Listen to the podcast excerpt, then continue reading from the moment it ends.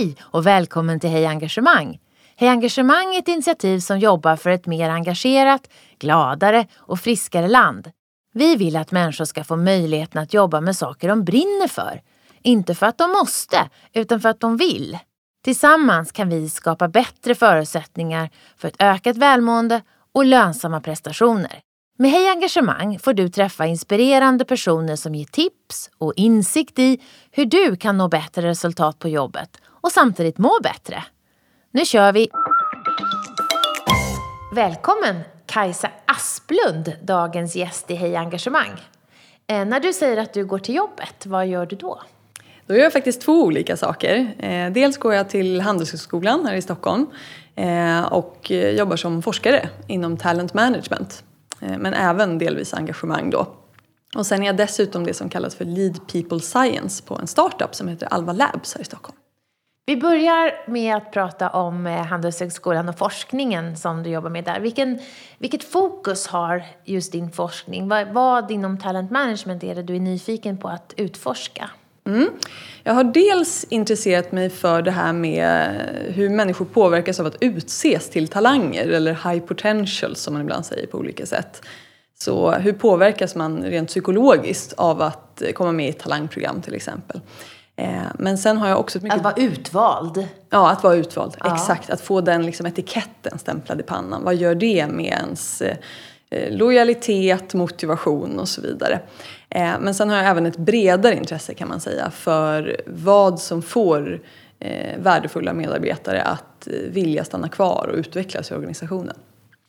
Om jag säger så här passionerad relation till jobbet, mm. eh, vad, vad lägger du i det begreppet själv?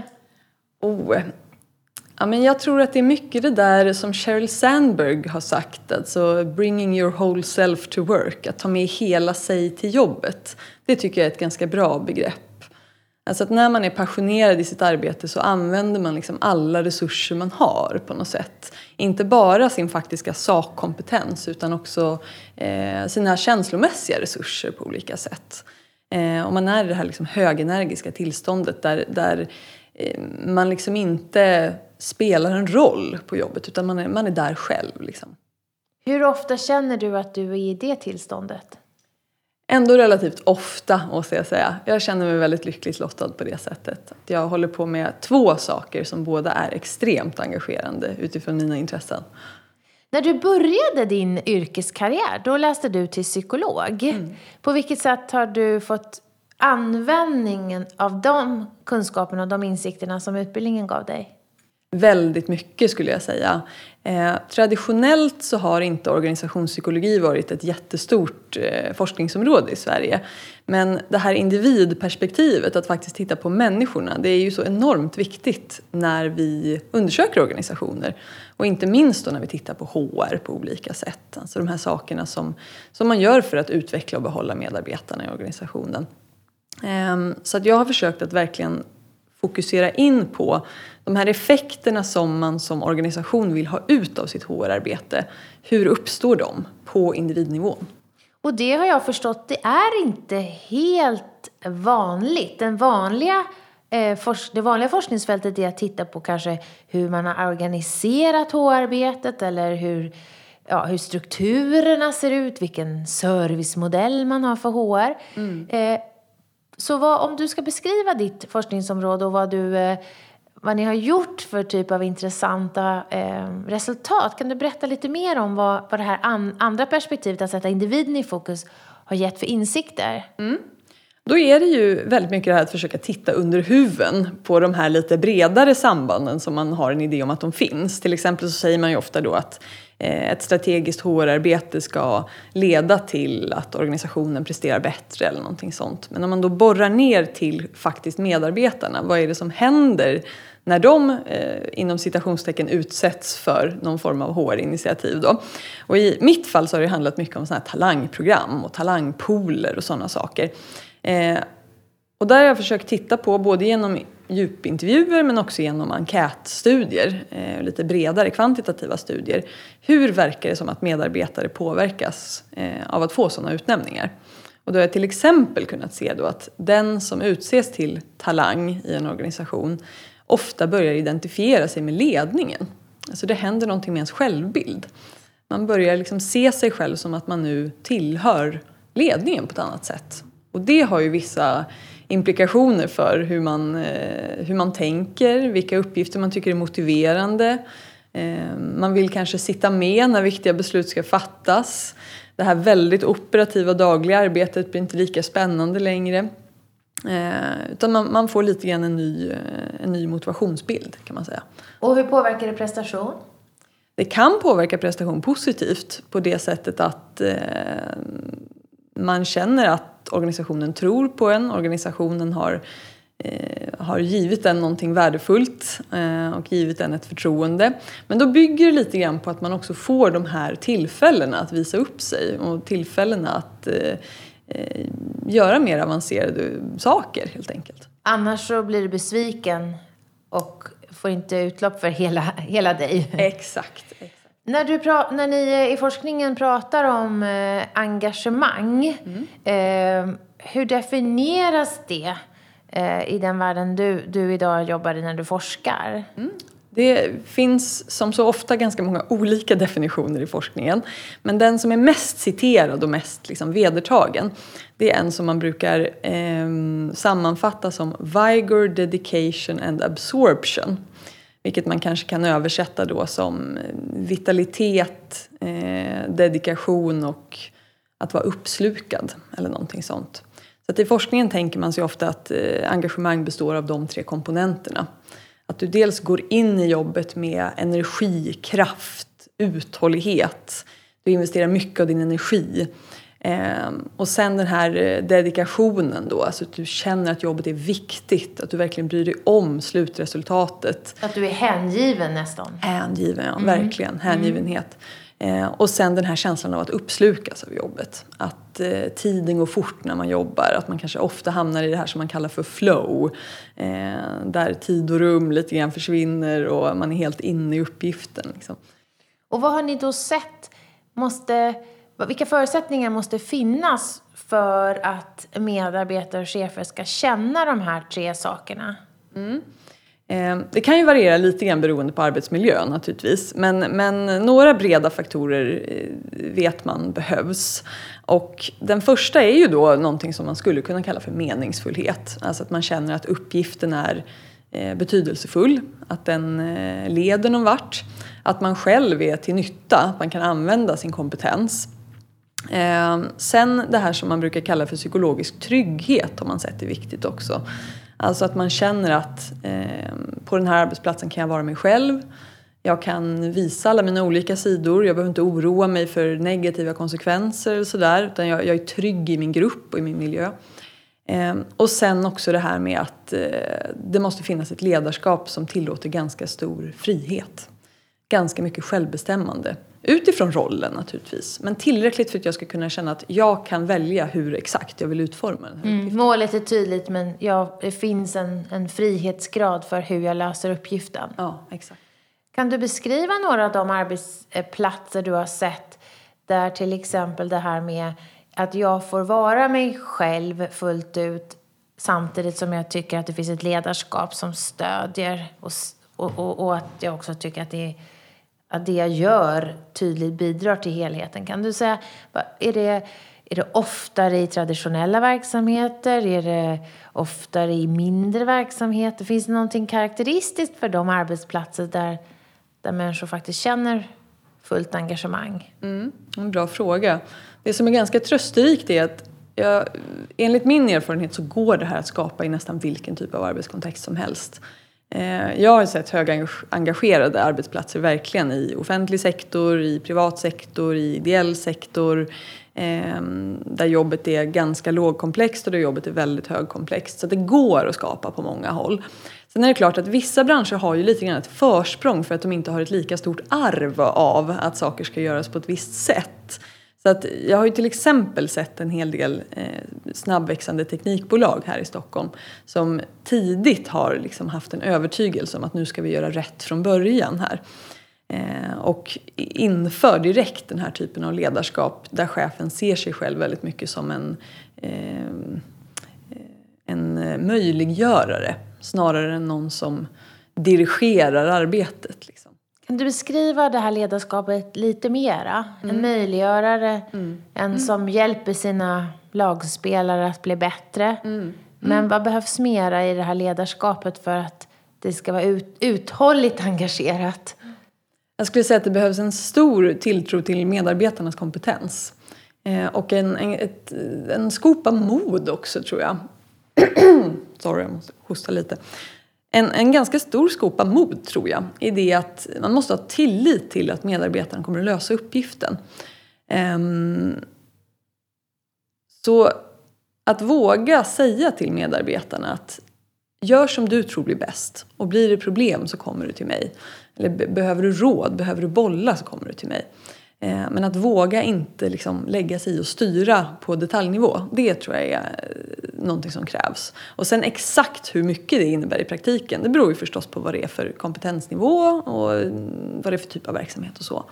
Du har ju erfarenhet själv av att jobba nu i ett te snabbväxande teknikbolag i din roll på, på Alva. Mm. Eh, kan du också se då att det arbetssätt som många teknikbolag har med det vi kallar för, för agilt arbetssätt med ganska snabba sprintar kanske man håller på med någonting bara i en dag och sen utvärderar man om det här har gett resultat utifrån uppsatt mål. Att, att den typen av liksom snabba återkopplingsloopar skulle i sig vara bra för engagemanget då? För det låter ju som ett arbetssätt där du har tydligt mål, stor frihet och mycket feedback. Mm, mm. Absolut, jag tror att det kan finnas ett sådant samband. Just för att när du jobbar i en mer snabbrörlig, flexibel verksamhet så bygger du inte de här stora överbyggningarna i form av administrativa strukturer, processer, eh, byråkratiska påfund eh, som ju till viss mån behövs om du ska jobba med väldigt långa, tungrodda processer. Eh, och det tror jag är en väldigt stor fördel för engagemanget. För det har man sett i forskningen också att mycket administrativa Eh, besvärliga sysslor, det är en väldigt så, tydlig engagemangsdödare. Mm. Och det är även... ingen som gillar krånglig admin. Nej, verkligen inte. Och även att, eh, ja, men att rodda i de här väldigt långa processerna som eh, inte alltid har ett jättetydligt värde. Det är inte heller särskilt kul för engagemanget. Har du tittat någonting på om det finns några alltså tekniska hjälpmedel eller verktyg som kan hjälpa medarbetarna att känna att det jag gör nu, den här delen är, bidrar till helheten, att jag tydligt ser liksom syftet. Jag tänker på om du har sett, titta, utvärderat några appar eller andra arbetsverktyg som stödjer engagemang? Mm, det är en bra fråga. Jag har inte tittat specifikt på det i forskningen men jag har sett en del användning av sådana verktyg som verkar kunna bidra till engagemang. Till exempel om man använder feedbackverktyg på ett riktigt bra sätt. Ehm, det är ju så att många chefer har ju till exempel svårt att kunna vara fysiskt närvarande hela tiden i sina medarbetares vardag. Eh, och samtidigt vet vi att den här eh, återkommande feedbacken från chefen är så himla viktig för engagemanget. Och där kan man ju ibland använda sig av tekniska hjälpmedel för att liksom öka på den närvaron och se till att man har möjlighet att liksom pusha medarbetarna eh, varje dag även om man inte fysiskt alltid kan vara på plats i deras arbete. Så det mm. kan bidra. Mm. Du har ju tittat på det här med eh, eh,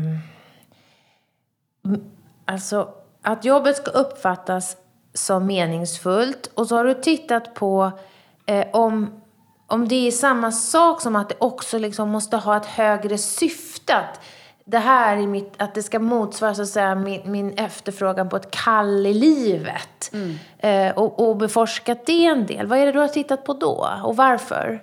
Ja, jag gillar ju att eh, dyka ner i de här buzzwordsen som vi har. De här populära Floskler. flosklerna. Ja, precis. Koncepten som flyger runt i media och i näringslivet och sådär. Försöka titta på vad, vad, vad är substansen i det här egentligen? Vad är kärnan? Och meningsfullhet var ett sånt där begrepp som jag hela tiden stötte på när jag intervjuade chefer och HR ute på bolag.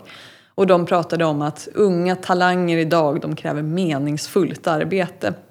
Och när jag försökte borra lite i vad de menar med det så verkade det som att de oftast menade då ett högre syfte, känslan av att bidra till en bättre värld, till samhällsutveckling och så. Men om man tittar på den litteratur som finns kring meningsfullhet så ser man att det är egentligen högsta nivån i liksom behovshierarkin. Det är verkligen körsbäret på kakan när det kommer till meningsfullhet. Det finns mycket mer basala nivåer av meningsfullhet. Till exempel? Ja, den allra mest grundläggande skulle jag säga det är att se kopplingen mellan liksom vad man själv gör i vardagen och hur det bidrar till bolaget. Att jag sitter här och knackar i ett Excel-ark i åtta timmar, bidrar det någonstans? Är det någon som kommer titta på de här siffrorna? Kommer de att göra nytta? Eller är det bara ett svart hål och jag har ingen aning om min Exakt. insats kopplar? Exakt. Och menar du då att forskningen också visar att det grundläggande, den grundläggande kopplingen inte alltid är uppfylld? Där du ser mening? Definitivt, mm. definitivt. Och ganska ofta stöter jag på, på bolag som lägger ganska stora resurser då på att försöka få till det här högre syftet och kopplingen till en bättre värld. Men har glömt att medarbetarna inte riktigt ser hur det de gör i vardagen spelar roll. Liksom. Och då kommer det troligtvis inte göra så stor nytta. Finns det något skede där det är viktigt att prata om liksom, det högre syftet? Kan det vara olika om man försöker till exempel vid rekrytering locka talanger jämfört med att när någon redan är inne i jobbet och, så, och, och är, tycker att, och, och trivs och, och det egentligen handlar om att motivera till att stanna kvar. Finns det, no, finns det skillnader där i när man börjar prata om ett högre syfte? Absolut, det, det finns en tydlig skillnad där.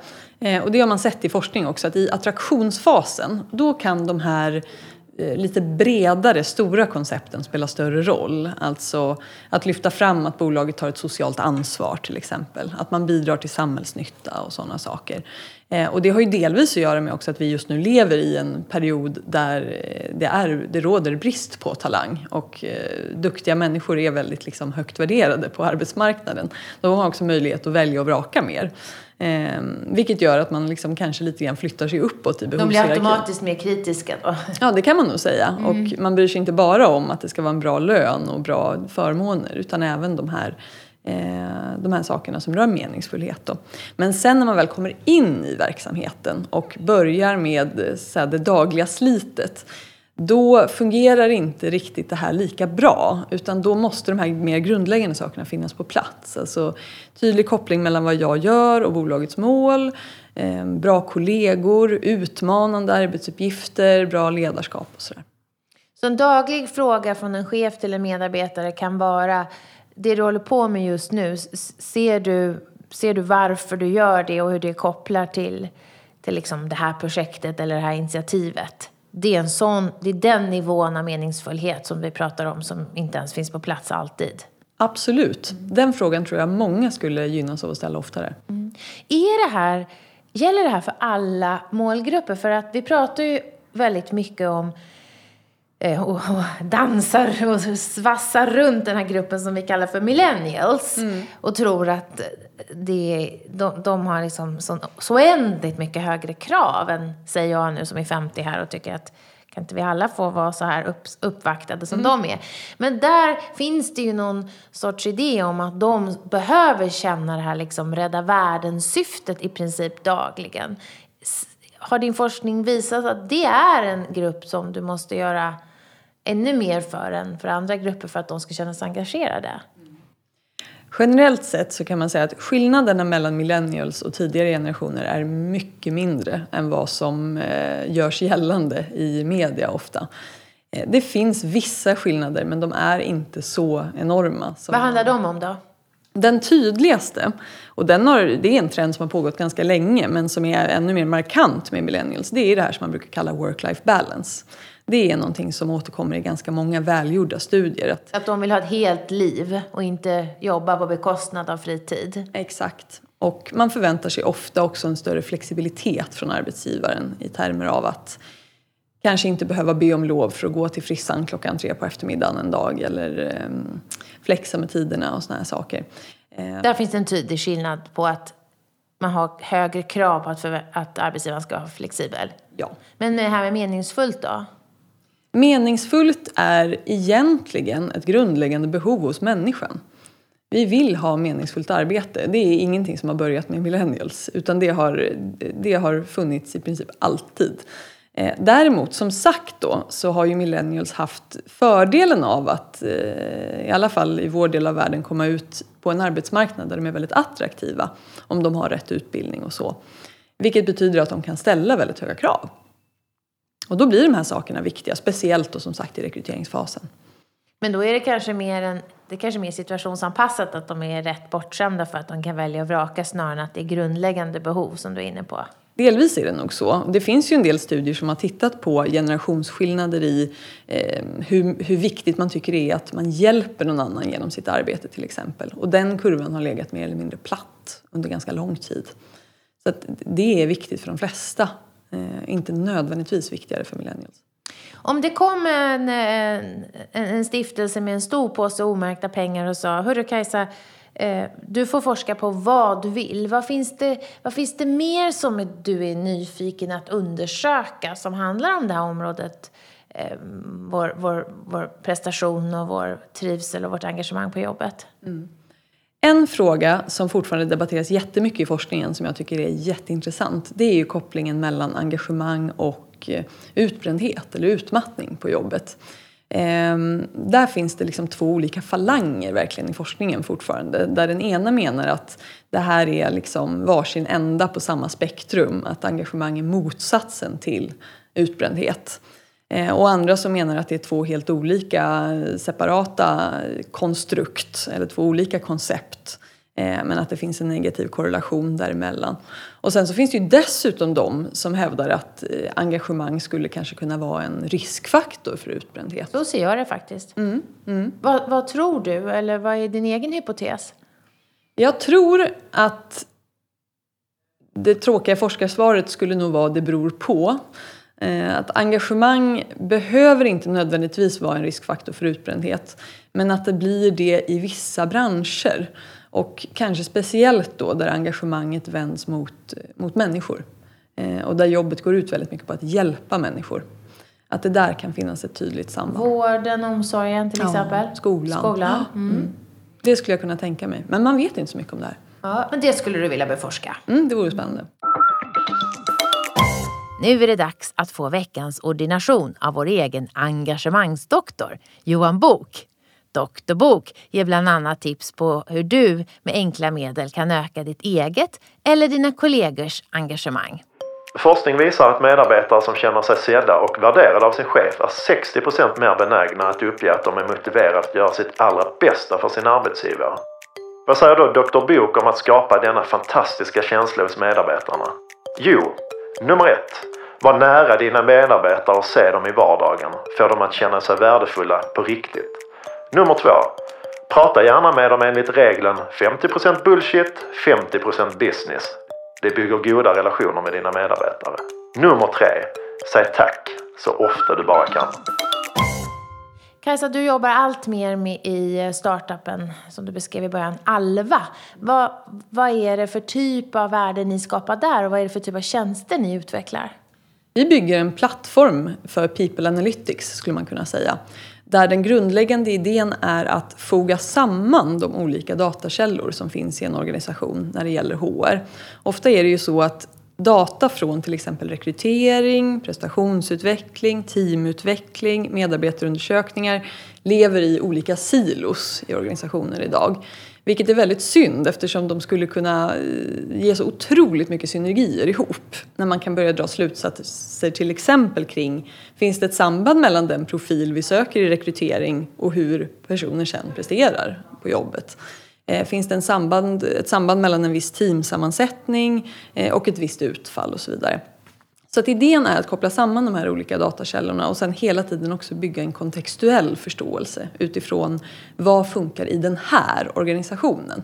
Snarare än att försöka hitta någon slags generisk modell som ska funka överallt. För så vet vi att det är inte så. Mm. Och din uppgift är ju inte kanske att leta datakällor utan försöka eh, då hitta de modeller som blir eh, prediktiva som kan göra att man kan förutspå olika saker. Var, vad påverkar vad? Och vad är det, vad är det framförallt eh, i, i huvuddrag i början, vad är det framförallt för typ av eh, områden som ni kommer kunna jobba med? Mm. Eh, nu i början så fokuserar vi mycket på rekrytering, prestationsutveckling och teamutveckling kan man säga. Så då handlar det ju både om att bygga en, eh, en modell för hur man som bolag ska jobba med det här för att kunna rekommendera ett slags best practice utifrån både forskning och vad som är praktiskt görbart och sådär. Eh, och sen också leverera utifrån den data vi samlar in så konkreta insikter som möjligt. För ett, ett, stort hinder också mot att använda data i organisationer idag det är ju att man ofta varken har tid eller kompetens att sitta och analysera den här datan själv. Utan det man vill ha är ju de konkreta insikterna som datan kan ge. Mm. Så där är tanken att vi tar hand om analysstegen. Både i text och visuellt antar jag som styrmedel. Oh ja, för absolut. att kunna styra efter de här eh, insikterna. Ja. Vad, ska, vad ser du mest fram emot med, med det här jobbet som kommer ta mer och mer av din tid? Mm. Jag ser väldigt mycket fram emot att se eh, hur de här olika produktmodulerna eh, kommer att göra nytta i företagen. Och det märker jag ju redan att det, det är en sån enorm kick när man ser att någonting som vi har utvecklat i vårt lilla team börjar användas och faktiskt driver värde. Och att liksom få, höra, få, få höra en chef eller en HR-person säga att tack vare det här instrumentet så har vi liksom hållit de bästa utvecklingssamtalen vi någonsin haft. Det är en enorm liksom, eh, ja, tacksamhetskänsla nästan. Vi, vi säger ju att mer och mer av, av, av, organisations och verksamhetsutveckling ska vara datadriven. Vi ska sluta gissa. Vi lever i liksom dataåldern. Mm. Kan du beskriva några insikter ni har fått om hur en HR-avdelning arbetar annorlunda när man har data att tillgå som ledstång eller som vägvisare. Alltså, vad är det som förändras mest i HR-arbetet? För vi vet att många som jobbar med HR lyssnar på mm. Hej Engagemang. Mm. En av de tydligaste tendenserna är ju att man jobbar skarpare, mer effektivt. Därför att man helt plötsligt ser vilka delar man borde fokusera på. Ehm, alltså istället för att försöka jobba utifrån någon slags lös hypotes om att det kanske är det här som är viktigt så, så ser man helt plötsligt att okej, okay, det är den här personlighetstypen som saknas i våra team. Det är det som gör att vi har det här. Du kan testa den där hypotesen du har också? Exakt, mm. exakt. Du kan testa den och få data på den eh, och du kan även hitta överraskande insikter som gör att du liksom plö plötsligt ser vad som behöver göras. Jag har tänkt att det skulle kunna bli så att, att det blev mer meritokratiskt när du jobbar datadrivet därför att gamla sanningar är inte intressanta. De som har mest erfarenhet är inte alltid bäst rustade att utveckla organisationen utan de som är mest nyfikna och har minst förutfattade meningar men vågar lita på datan skulle kunna vara bättre medarbetare. Mm. Har, har, du reflekterat över den frågan? Ja men definitivt och det är så otroligt sant verkligen. För att vi vet ju att många av HR-processerna tenderar att bli sen för orättvisor, diskriminering, bias. Ofta helt utan något, eh, något illvilligt syfte naturligtvis. Men därför att vi går på tumregler, gamla föreställningar och så vidare. Och också för att man ofta jobbar med de här luddiga koncepten som man då fyller med sina egna föreställningar och sådär. Eh, när man jobbar datadrivet så får man ju mer strukturerade processer eh, där det inte sällan visar sig att gamla sanningar liksom ställs på ända. Att den här personen som vi trodde hade prestationsproblem visar sig vara en super-enabler som möjliggör för andra, för hela teamet att prestera. Eh, och som skulle saknas otroligt mycket om den personen föll ifrån och så vidare. Så eh, det är häftigt med data på det sättet. För jag tänker att det då finns en koppling mellan att jobba datadrivet och engagemang. Mm. Att det som har uppfattats som kanske tröghet i ett system, någon som sitter som en propp och gissar sig fram och, medan alla runt omkring vet att så där är det inte. Den personen försvinner om vi pratar om det här med meningsfullhet. Att mm. på något sätt så, så får ju, så segrar sanningen eh, bevisad genom data snarare än någons förutfattade meningar. Det kan kanske påverka engagemangsnivån har jag funderat på. Definitivt, det tror jag. Både att man som medarbetare känner sig mer hörd och mer sedd eh, men också att viktiga sanningar kommer fram mycket snabbare. Alltså mäter du engagemangsnivån eh, på rätt sätt ganska frekvent till exempel så kommer du få data om det nu finns problem som du inte riktigt kan blunda för. Och på samma sätt liksom, kartlägger du dina teamsammansättningar och ser samband med psykologisk trygghet till exempel så kommer du upptäcka problemen. De kommer att finnas där ganska svart på vitt och då blir det också svårare att inte agera. Vi har ju haft en diskussion tidigare här på Hej Engagemang tillsammans med en av grundarna, Johan Bok, som gärna vill att eh, eh, chefens eh, omdöme eller betyg eh, ska stå tydligt i en annons, en rekryteringsannons, att den som söker vet att du ska jobba med den här chefen och den, den uppfattas så här av sina eh, kollegor. Mm. Väldigt transparent. Mm. Eh, har du något sånt exempel på där som du redan har sett där datan används på ett transparent sätt och eh, eh, hur det påverkar så att säga teamet av att det kan vara skärmar på väggarna där du ser kanske ner på individnivå eh, prestation eller kunnighet kopplat till ett visst team. Hur, hur det påverkar stämningen på en arbetsplats. Har du något sådant exempel? Ja, jag har sett en del exempel på det och där får jag nog lov att säga att det är lite grann av ett tveeggat svärd faktiskt. Därför att i en del organisationer kan det fungera jättebra eh, just för att du, eh, du använder det här för att hela tiden bli bättre i liksom en anda av konstant utveckling, i en anda av att eh, eh, utveckla verksamheten helt enkelt och att få tydliga liksom, benchmarks på vad behöver vi förbättra. Eh, Dock, om man inför det här i en organisation som saknar den psykologiska tryggheten så blir det lätt en känsla av att man snarare ständigt är utvärderad, bevakad. Eh, det blir övervakningssamhälle av det. Ja, och den här känslan av att ständigt vara bedömd också som inte rimmar så jätteväl med liksom, utveckling och kreativitet på jobbet. Så att man får vara lite försiktig där också så att, så att man inte skjuter sig själv i foten med det. Mm i ditt jobb nu på en snabbväxande teknikstartup som Alva är. Eh, om du, vad skulle du vilja ha för, för data eller för eh, insikter liksom i fickan med dig eh, för att veta dels att du jobbar med rätt grejer för att det ska bli meningsfullt men också för att du ska känna engagemang. Vad är det för för, för data som du skulle vilja ha tillgång till för just dig? Mm. Gud, vilken bra fråga. Um, jag skulle ju gärna vilja se de löpande, eh, löpande utvärderingarna av teamets insats, både från kund och från oss själva. Eh, och då tror jag faktiskt att eh, utvärderingen av, av liksom teamets insatser på många sätt är viktigare än mig som person, även om det såklart också spelar roll. Men vi jobbar så otroligt tätt ihop som grupp. Så det är ju en del som man definitivt skulle vilja ha med. Ehm, en annan del är också de löpande måtten på hur teamet mår. Alltså tryggheten, tryggheten engagemanget, ehm, hur vi upplever vår egen effektivitet. De delarna också som en form av pulsmätning. Och sen också se om man kan koppla det till hur det går i verksamheten, hur vi jobbar en viss vecka eller sådär. Det där skulle gå att ta reda på väl? Det Definitivt. finns system för det där idag. Definitivt, och det är ju mycket det som är målet också med vad vi håller på med. Jätteroligt att ha dig här. Vi ser fram emot att följa både din forskning och eh, Alvas arbete och kanske få återkomma till det. Tack Kajsa! Tack så mycket! Vi hoppas att vi har väckt tankar om hur du kan bidra till ett mer engagerat Sverige. På hejengagemang.se kan du hitta mer inspiration och tips kring hur du som individ, ledare och organisation kan jobba för att skapa ett ökat engagemang, välbefinnande och nya resultat. Tack för att du har lyssnat!